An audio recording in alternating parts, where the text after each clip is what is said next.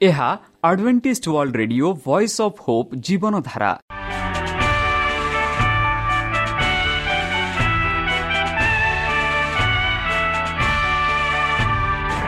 Odia radio କାର୍ଯ୍ୟକ୍ରମ ଯାହା ଆମର ଆନ୍ତର୍ଜାତୀୟ ଆଘାତ କେନ୍ଦ୍ରରୁ ପ୍ରସାରଣ କରାଯାଉଛି ପ୍ରତିଦିନ ରାତି ନଅଟା ତିରିଶ ମିନିଟ୍ରେ। ମୁଁ ସୁବ୍ରତ କୁମାର ପତି ପ୍ରେମର ସହ ଆପଣମାନଙ୍କୁ ଏହି କାର୍ଯ୍ୟକ୍ରମକୁ ସ୍ୱାଗତ କରୁଅଛି। ଚାଲନ୍ତୁ ଆଜିର ତିରିଶ ମିନିଟ୍ର କାର୍ଯ୍ୟକ୍ରମ ବିଷୟରେ ଜାଣିନେବା। ପ୍ରଥମେ ରଖିଛୁ ଆଧ୍ୟାତ୍ମିକ ଭକ୍ତିମୟ ଗୀତ। ଏହାପରେ ଶୁଣିବା ସ୍ୱାସ୍ଥ୍ୟ ବିଷୟରେ ଯାହା ଆମର ଦୈନିକ ଜୀବନରେ ଅତ୍ୟନ୍ତ ଜରୁରୀ। ଆଉ ପରିଶେଷରେ ଶୁଣିବା ପରମେଶ୍ୱରଙ୍କ ଭକ୍ତଙ୍କଠାରୁ ଜୀବନଦାୟକ ଈଶ୍ୱରଙ୍କ ବାକ୍ୟ। ପ୍ରିୟ ଶ୍ରୋତା ତାହେଲେ ଚାଲନ୍ତୁ ଶୁଣିବା ଏକ ଆଧ୍ୟାତ୍ମିକ ଭକ୍ତିମୟ ଗୀତ।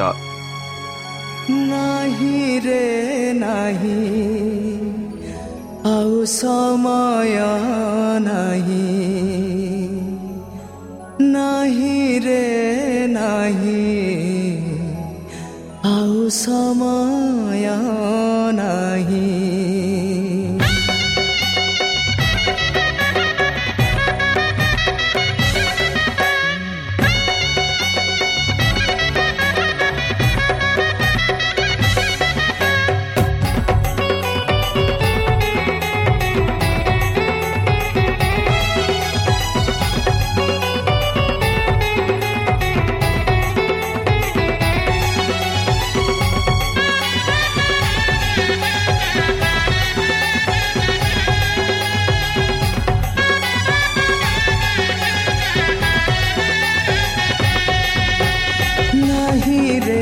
ନାହିଁ ଆଉ ସମୟ ନାହିଁ ନାହିଁ ରେ ନାହିଁ ଆଉ ସମୟ ନାହିଁ ଉଠରେ ଉଠ ଯେତେ ନିଦ୍ରାଗ୍ରସ୍ତ ଜାଗରେ ଜାଗ ବିଶ୍ୱାସୀ ସମସ୍ତ ଉଠରେ ଉଠ ଯେତେ ନିଦ୍ରାଗ୍ରସ୍ତ ଜାଗରେ ଜାଗ ବିଶ୍ୱାସୀ ସମସ୍ତ ଆସୁଛି ପରା ବିପଦ ଘେରି ମର୍ତ୍ତ୍ୟର ବିଚାର ନେଇ ଜୀବ ତରଳି ମହମ ପରି ପୃଥିବୀ ରହିବ ନାହିଁ ନାହିଁ ରେ ନାହିଁ ଆଉ ସମୟ ନାହିଁ ନାହିଁ ରେ ନାହିଁ ଆଉ ସମୟ ନାହିଁ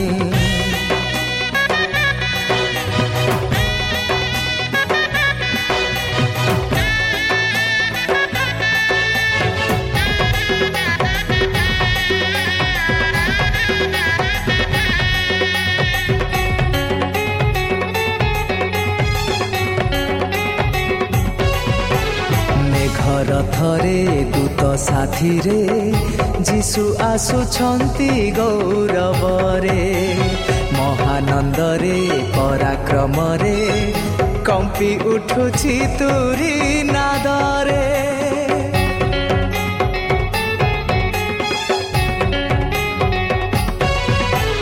ମେଘର ଥରେ ଦୂତ ସାଥିରେ ଯୀଶୁ ଆସୁଛନ୍ତି ଗୌରବରେ ମହାନନ୍ଦରେ ପରାକ୍ରମରେ କମ୍ପି ଉଠୁଛି ତୁରି ନାଦରେ ଦେଖରେ ଦେଖ ଆକାଶକୁ ଦେଖ ନାହିଁ ରେ କେହି ଦେବାକୁ ଆଲୋକ ଦେଖରେ ଦେଖ ଆକାଶକୁ ଦେଖ ନାହିଁ ରେ କେହି ଦେବାକୁ ଆଲୋକ ଅନ୍ଧାର ହେବ ଧରା କମ୍ପିବ समुद्र जीव उभे।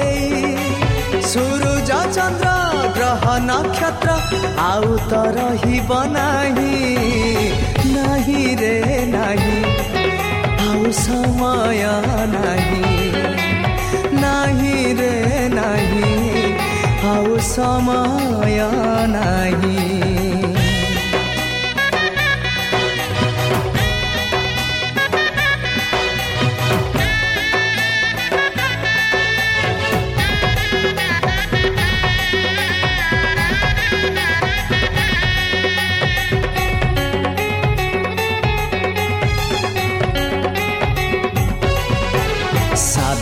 ସମସ୍ତେ ମଧ୍ୟ ଆକାଶେ ମସିହ ରାଜାଙ୍କୁ ଭେଟିବେ ସେହି ଦଣ୍ଡରେ ପାପି ସକଳେ ଅତ୍ୟନ୍ତ ବିଳାପ କରିବେ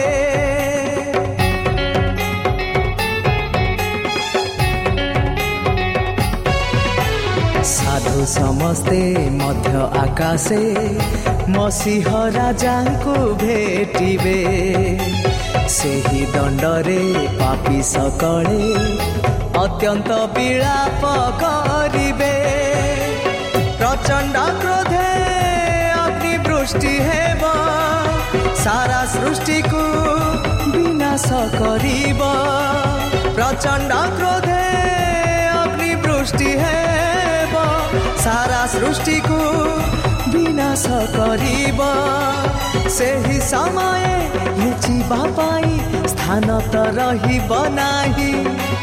ମରିବା ପାଇଁ ଖୋଜିଲେ ଭାଇ ମରଣ ଯିବ ଦୂରେଇ ନାହିଁ ରେ ନାହିଁ। ଆଉ ସମୟ ଆପଣଙ୍କର ମତାମତ ଜଣାଇବା ପାଇଁ ଆମର ଏହି ଠିକଣାରେ ଯୋଗାଯୋଗ କରନ୍ତୁ। ଆମ ଠିକଣା Adventist media centre SDA mission compound Salisbury park Pune ଚାରି ଏକ ଏକ ଶୂନ ତିନି ସାତ ମହାରାଷ୍ଟ୍ର ବା ଖୋଲନ୍ତୁ ଆମର ୱେବସାଇଟ୍ ଯେକୌଣସି android phone smartphone desktop laptop କିମ୍ବା ଟ୍ୟାବ୍ଲେଟ୍ ଆମର website W W W dot A W R dot O R G slash O R I ଏବଂ W W W dot Adventist media centre India dot O R G ବର୍ତ୍ତମାନ ଚାଲନ୍ତୁ ଶୁଣିବା ଈଶ୍ୱରଙ୍କ ଭକ୍ତଙ୍କଠାରୁ ଈଶ୍ୱରଙ୍କ ଜୀବନଦାୟକ ବାକ୍ୟ। ପବିତ୍ର ଆତ୍ମାର କାର୍ଯ୍ୟ ଭାଗ ଏକ। ନମସ୍କାର ପ୍ରିୟ ଶ୍ରୋତା ସେହି ସର୍ବଶକ୍ତି ସର୍ବଜ୍ଞାନୀ ପ୍ରେମର ସାଗର ଦୟାମୟ ଅନ୍ତର୍ଜମୀ ଅନୁଗ୍ରହ ପରମ ପିତାଙ୍କ ମଧୁର ନାମରେ ମୁଁ ପାଷ୍ଟ ପୂର୍ଣ୍ଣଚନ୍ଦ୍ର ଆଉ ଥରେ ଆପଣମାନଙ୍କୁ ଏହି କାର୍ଯ୍ୟକ୍ରମରେ ସ୍ୱାଗତ କରୁଅଛି। ସେହି ସର୍ବଶକ୍ତି ପରମେଶ୍ୱର ଆପଣମାନଙ୍କୁ ଆଶୀର୍ବାଦ କରନ୍ତୁ। ଆପଣଙ୍କୁ ସମସ୍ତ ପ୍ରକାର ଦୁଃଖ କଷ୍ଟ ବାଧା କ୍ଲେଶ ଓ ରୋଗରୁ ଦୂରେଇ ରଖନ୍ତୁ। ଶତ୍ରୁ ସୟତାନ ହସ୍ତରୁ ସେ ଆପଣଙ୍କୁ ସୁରକ୍ଷାରେ ରଖନ୍ତୁ। ତାହାଙ୍କ ପ୍ରେମ ତାହାଙ୍କ ସ୍ନେହ ତାହାଙ୍କ କୃପା ତାହାଙ୍କ ଅନୁଗ୍ରହ ସଦାସର୍ବଦା ଆପଣଙ୍କଠାରେ ସହବର୍ତ୍ତୀ ରହ। ପ୍ରିୟତା ଚାଲନ୍ତୁ ଆଜି ଆମ୍ଭେମାନେ କିଛି ସମୟ ପବିତ୍ର ଶାସ୍ତ୍ର ବାଇବଲଠୁ ତାହାଙ୍କ ଜୀବନଦାୟକ ବାକ୍ୟ ଧ୍ୟାନ କରିବା।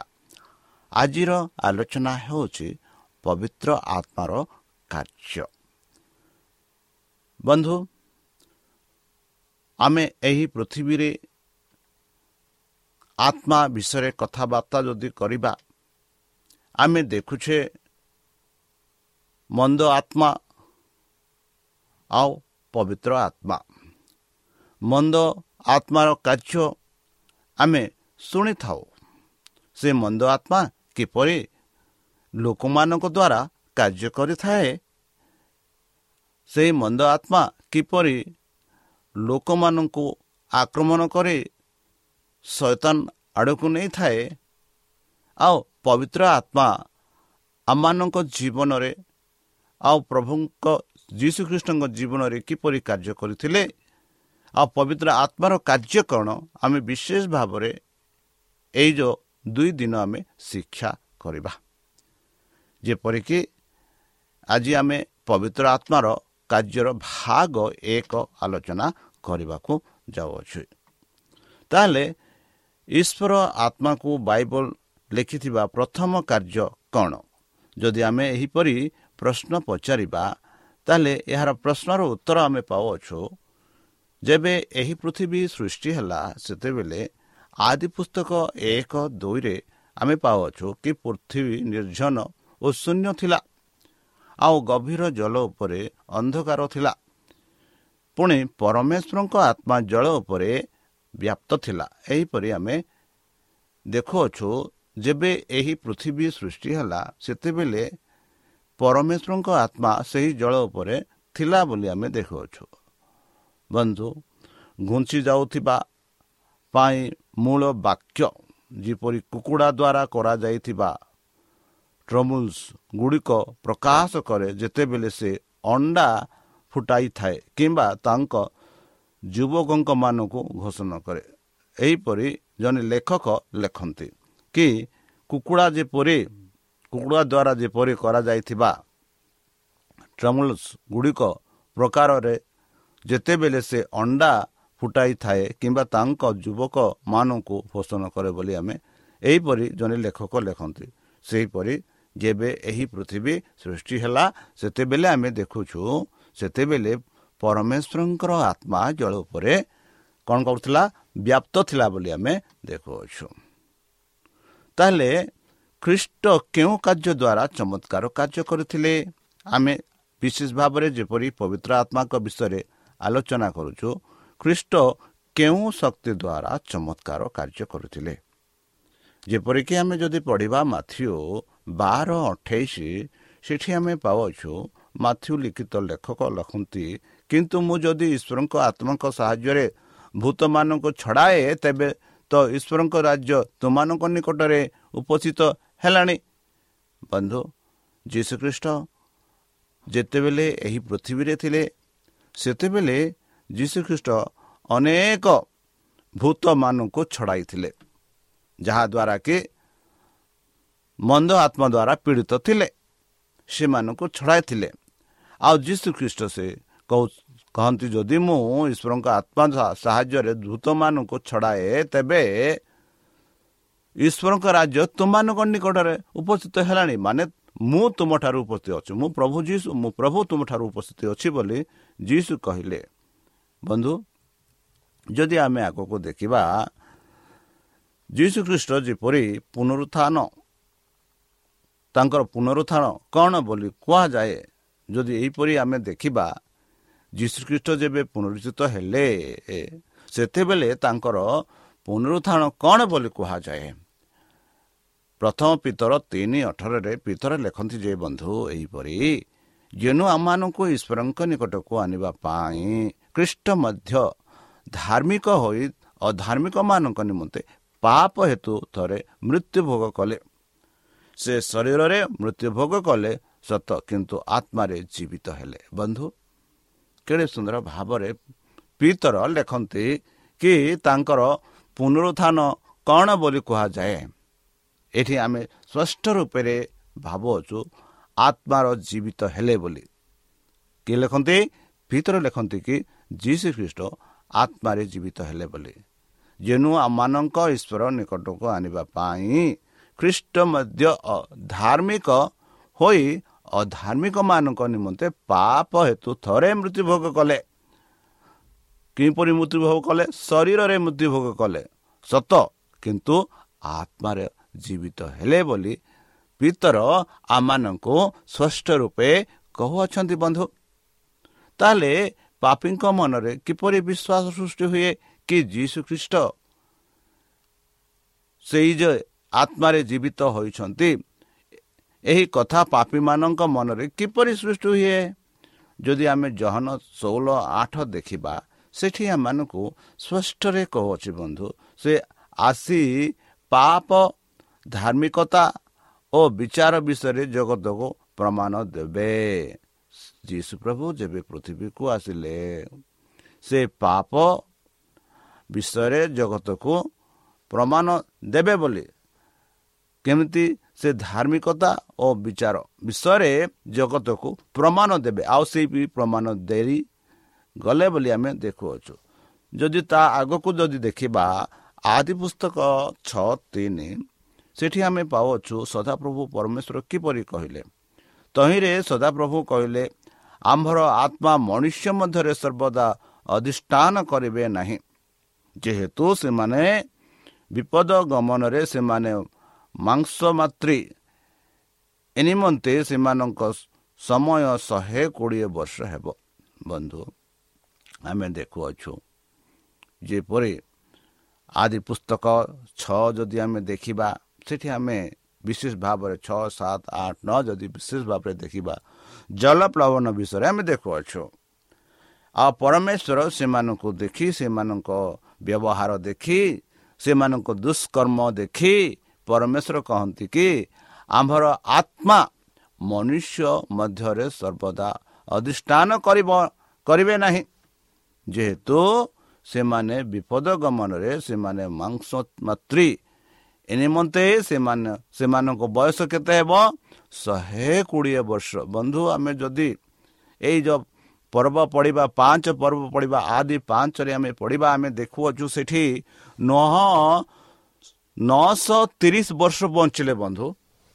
ଆଉ ସେହିପରି ଆମେ ଦେଖିବା ନଅଶହ ନଅଶହ ନଅଶହ ନଅଶହ ଏମିତି ପରି ସେ ବଞ୍ଚିଲେ। ଆଉ ପରିଶେଷରେ ମେଥୁସ ହେଲା ଯେ କି ଶହେ ଏକ ହଜାର ନଅଶହ ମାନେ ନଅଶହ ଅଣଶହ ଅଣସ୍ତରୀ ମାନେ ଛଅ ନଅ ସାତ ନଅ ଛଅଶହ ନଅଶହ ଅଶୀ ବର୍ଷ ସେ ବଞ୍ଚିଲେ ବୋଲି ଆମେ ଦେଖାଉଛୁ ମାନେ ପ୍ରାୟ ହଜାର ବର୍ଷ ବଞ୍ଚୁଥିଲେ ବନ୍ଧୁ ମାତ୍ର ଯୀଶୁ ଖ୍ରୀଷ୍ଟ ବର୍ତ୍ତମାନ ଆମେ ଦେଖୁଅଛୁ ପରମେଶ୍ୱର କହନ୍ତି କି ଏଇ ଯେଉଁ ମନୁଷ୍ୟର ବୟସ କୋଡ଼ିଏ ବର୍ଷ ହେବ ଶହେ କୋଡ଼ିଏ ବର୍ଷ ହେବ ବୋଲି ହଁ ବନ୍ଧୁ ଜଳପ୍ଲାବନ ବର୍ଷ ପରେ ଆମେ ଦେଖୁ ବୟସ କମିଯାଇଛି ନଅ ନଅଶହ ବର୍ଷ ନଅଶହ ପଚାଶ ବର୍ଷ ବଞ୍ଚିଲେ ଆଉ ସେହିପରି ତାପରେ ଆମେ ଦେଖୁଛୁ ତାଙ୍କ ସନ୍ତାନ ସନ୍ତତି ମାନେ ସମସ୍ତେ ତାଙ୍କ ବୟସ କମିଗଲା। କାହିଁକି? ସେମାନେ ପାପ କଲେ। ସେମାନେ ପାପ କଲେ। ତାହେଲେ ଏଇ ଯେଉଁ ଆତ୍ମା ଖ୍ରୀଷ୍ଟିଆନଙ୍କ ପାଇଁ କେଉଁ କାର୍ଯ୍ୟର ପ୍ରଦର୍ଶନ କରେ? ଆମେ ବିଶେଷ ଭାବରେ ଆତ୍ମା ବିଷୟରେ ଆଲୋଚନା କରୁଛୁ ବନ୍ଧୁ। ଏଇ ଯେଉଁ ଆତ୍ମା ଆମେ କଥାବାର୍ତ୍ତା କରୁଛୁ ତାହେଲେ ଖ୍ରୀଷ୍ଟିଆନଙ୍କ ମାନଙ୍କ ପାଇଁ କେଉଁ କାର୍ଯ୍ୟାଳୟର ପ୍ରଦର୍ଶନ କରେ? ଯଦି ଆମେ ଜହନ ଚଉଦ ଷୋହଳ ପଢ଼ିବା ସେ ସେଠି ଆମେ ପାଉଛୁ। ଯୀଶୁ ଖ୍ରୀଷ୍ଟ ନିଜେ କହନ୍ତି ଆଉ ମୁଁ ପିତାଙ୍କୁ ଅନୁରୋଧ କରିବି ପୁଣି ତୁମମାନଙ୍କ ସାଙ୍ଗରେ ଚିରକାଳ ରହିବା ନିମନ୍ତେ ସେ ତୁମମାନଙ୍କୁ ଆଉ ଜଣେ ସାହାଯ୍ୟକାରୀଙ୍କି ପଠାଇବେ। ଦେଖନ୍ତୁ ବନ୍ଧୁ ଯୀଶୁ ଖ୍ରୀଷ୍ଟ ଏହି ପୃଥିବୀରେ ତେତିଶ ବର୍ଷ ଛଅ ମାସ ଥିଲେ। ତାପରେ ଯୀଶୁଖ୍ରୀଷ୍ଟ ମୃତ୍ୟୁବରଣ କଲେ।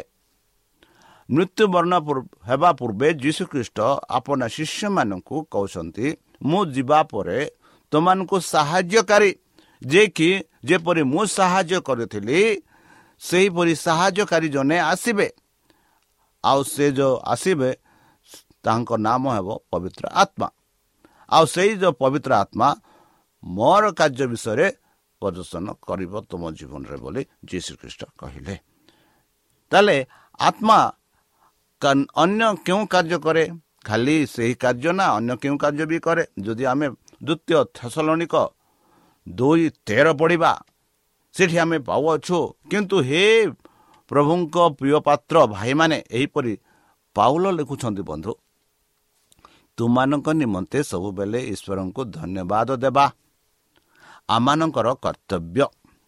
କାରଣ ଈଶ୍ୱର ଆତ୍ମାଙ୍କ ପବିତ୍ରତା ଓ ସତ୍ୟରେ ବିଶ୍ୱାସ ଦ୍ୱାରା ପରିତ୍ରାଣ ପାଇବା ନିମନ୍ତେ ତୁମମାନଙ୍କୁ ପ୍ରଥମ ଫଳ ସ୍ୱରୂପେ ମନୋନୀତ କରିଅଛନ୍ତି ବନ୍ଧୁ। ଆମମାନଙ୍କୁ ସମସ୍ତଙ୍କୁ ପରମେଶ୍ୱର ପ୍ରଥମ ଫଳ ସ୍ୱରୂପେ ମନୋନୀତ କରିଛନ୍ତି।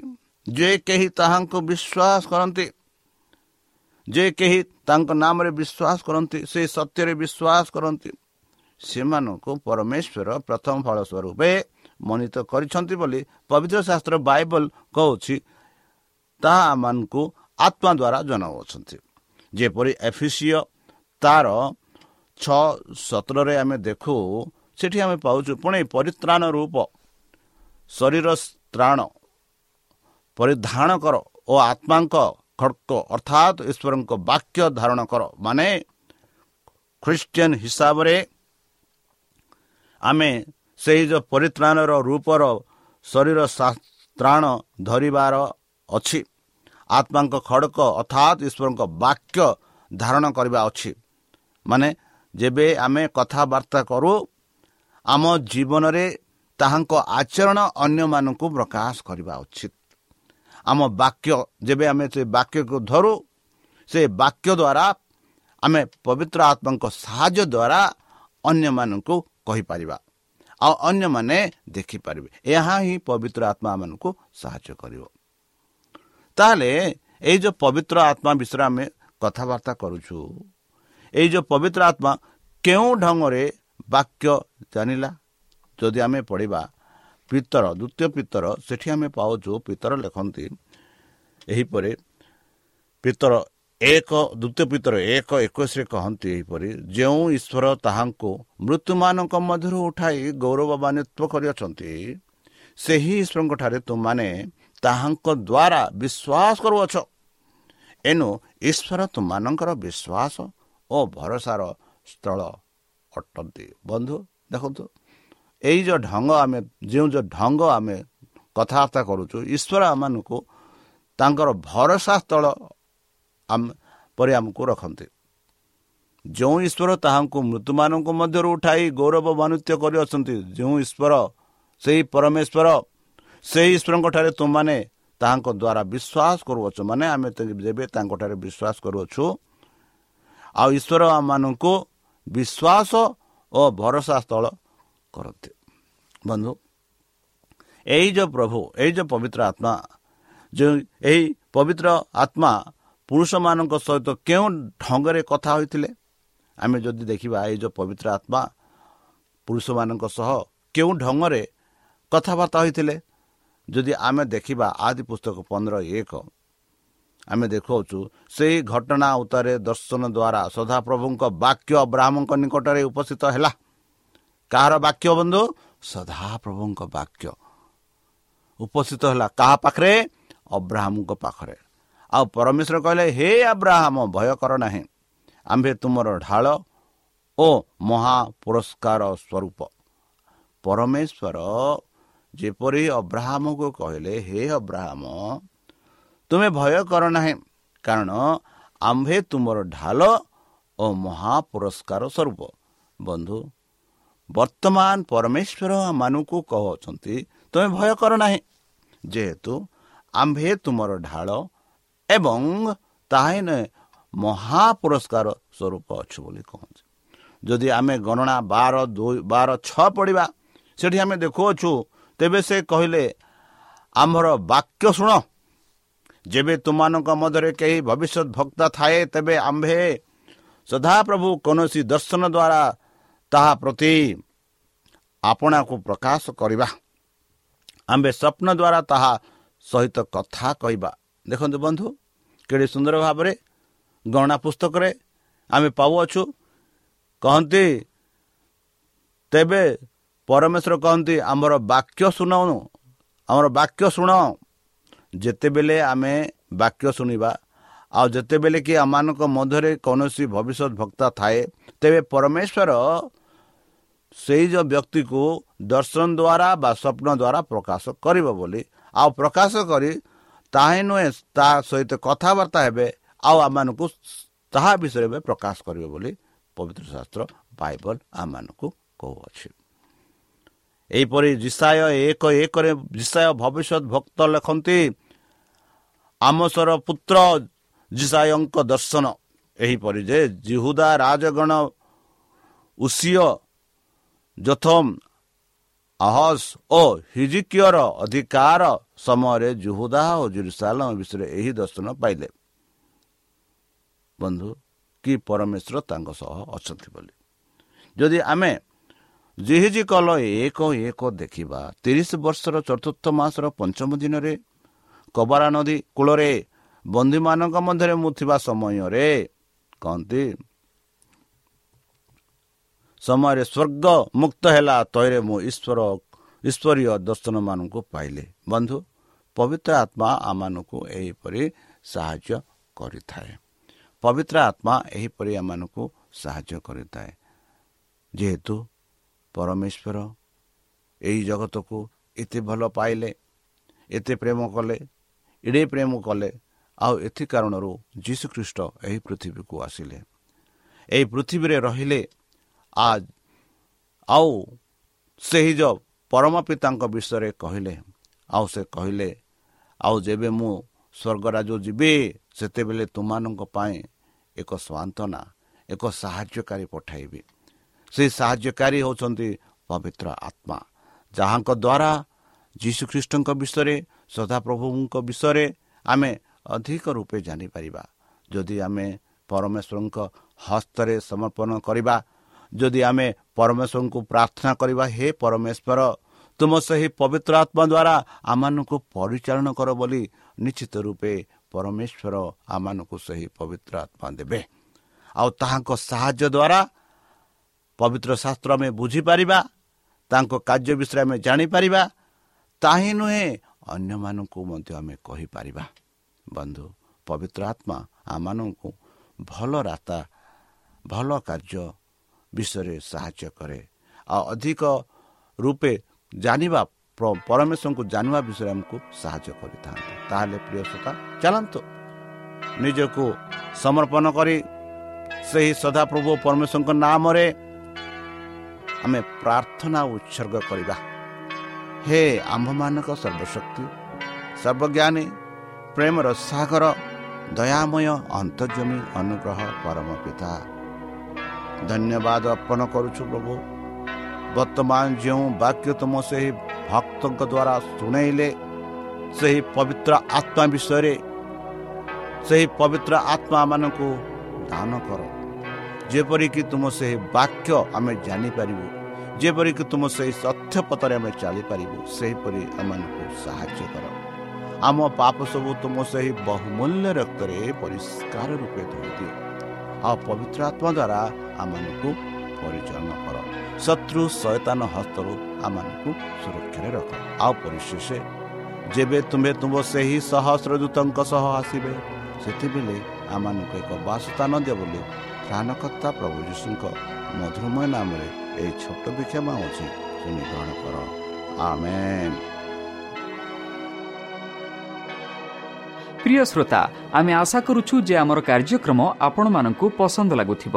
ଆପଣଙ୍କର ମତାମତ ଜଣାଇବା ପାଇଁ ଆମର ଏହି ଠିକଣାରେ ଯୋଗାଯୋଗ କରନ୍ତୁ ଆମ ଠିକଣା advantage media centre S D A mission compound Salisbury park Pune ଚାରି ଏକ ଏକ ଶୂନ ତିନି ସାତ ମହାରାଷ୍ଟ୍ର ବା ଖୋଲନ୍ତୁ ଆମର ୱେବସାଇଟ୍ ଯେକୌଣସି android phone smartphone desktop laptop କିମ୍ବା ଟ୍ୟାବ୍ଲେଟ୍ ଆମର website W W W dot A W R dot O R G slash O R I ଏବଂ W W W dot Adventist Media Centre India dot O R G Adventist Media Centre ଇଣ୍ଡିଆର spelling ହେଉଛି A D V E N T I S T M E D I A C E N T R E I N D I A অথবা download করন্তু আমার mobile up ଆପଣଙ୍କର mobile play ଷ୍ଟୋରକୁ ଯାଆନ୍ତୁ ଆଉ type କରନ୍ତୁ the voice of Hope ଆଉ download କରନ୍ତୁ ଈଶ୍ୱର ଆପଣଙ୍କୁ ଆଶୀର୍ବାଦ କରନ୍ତୁ। ଧନ୍ୟବାଦ।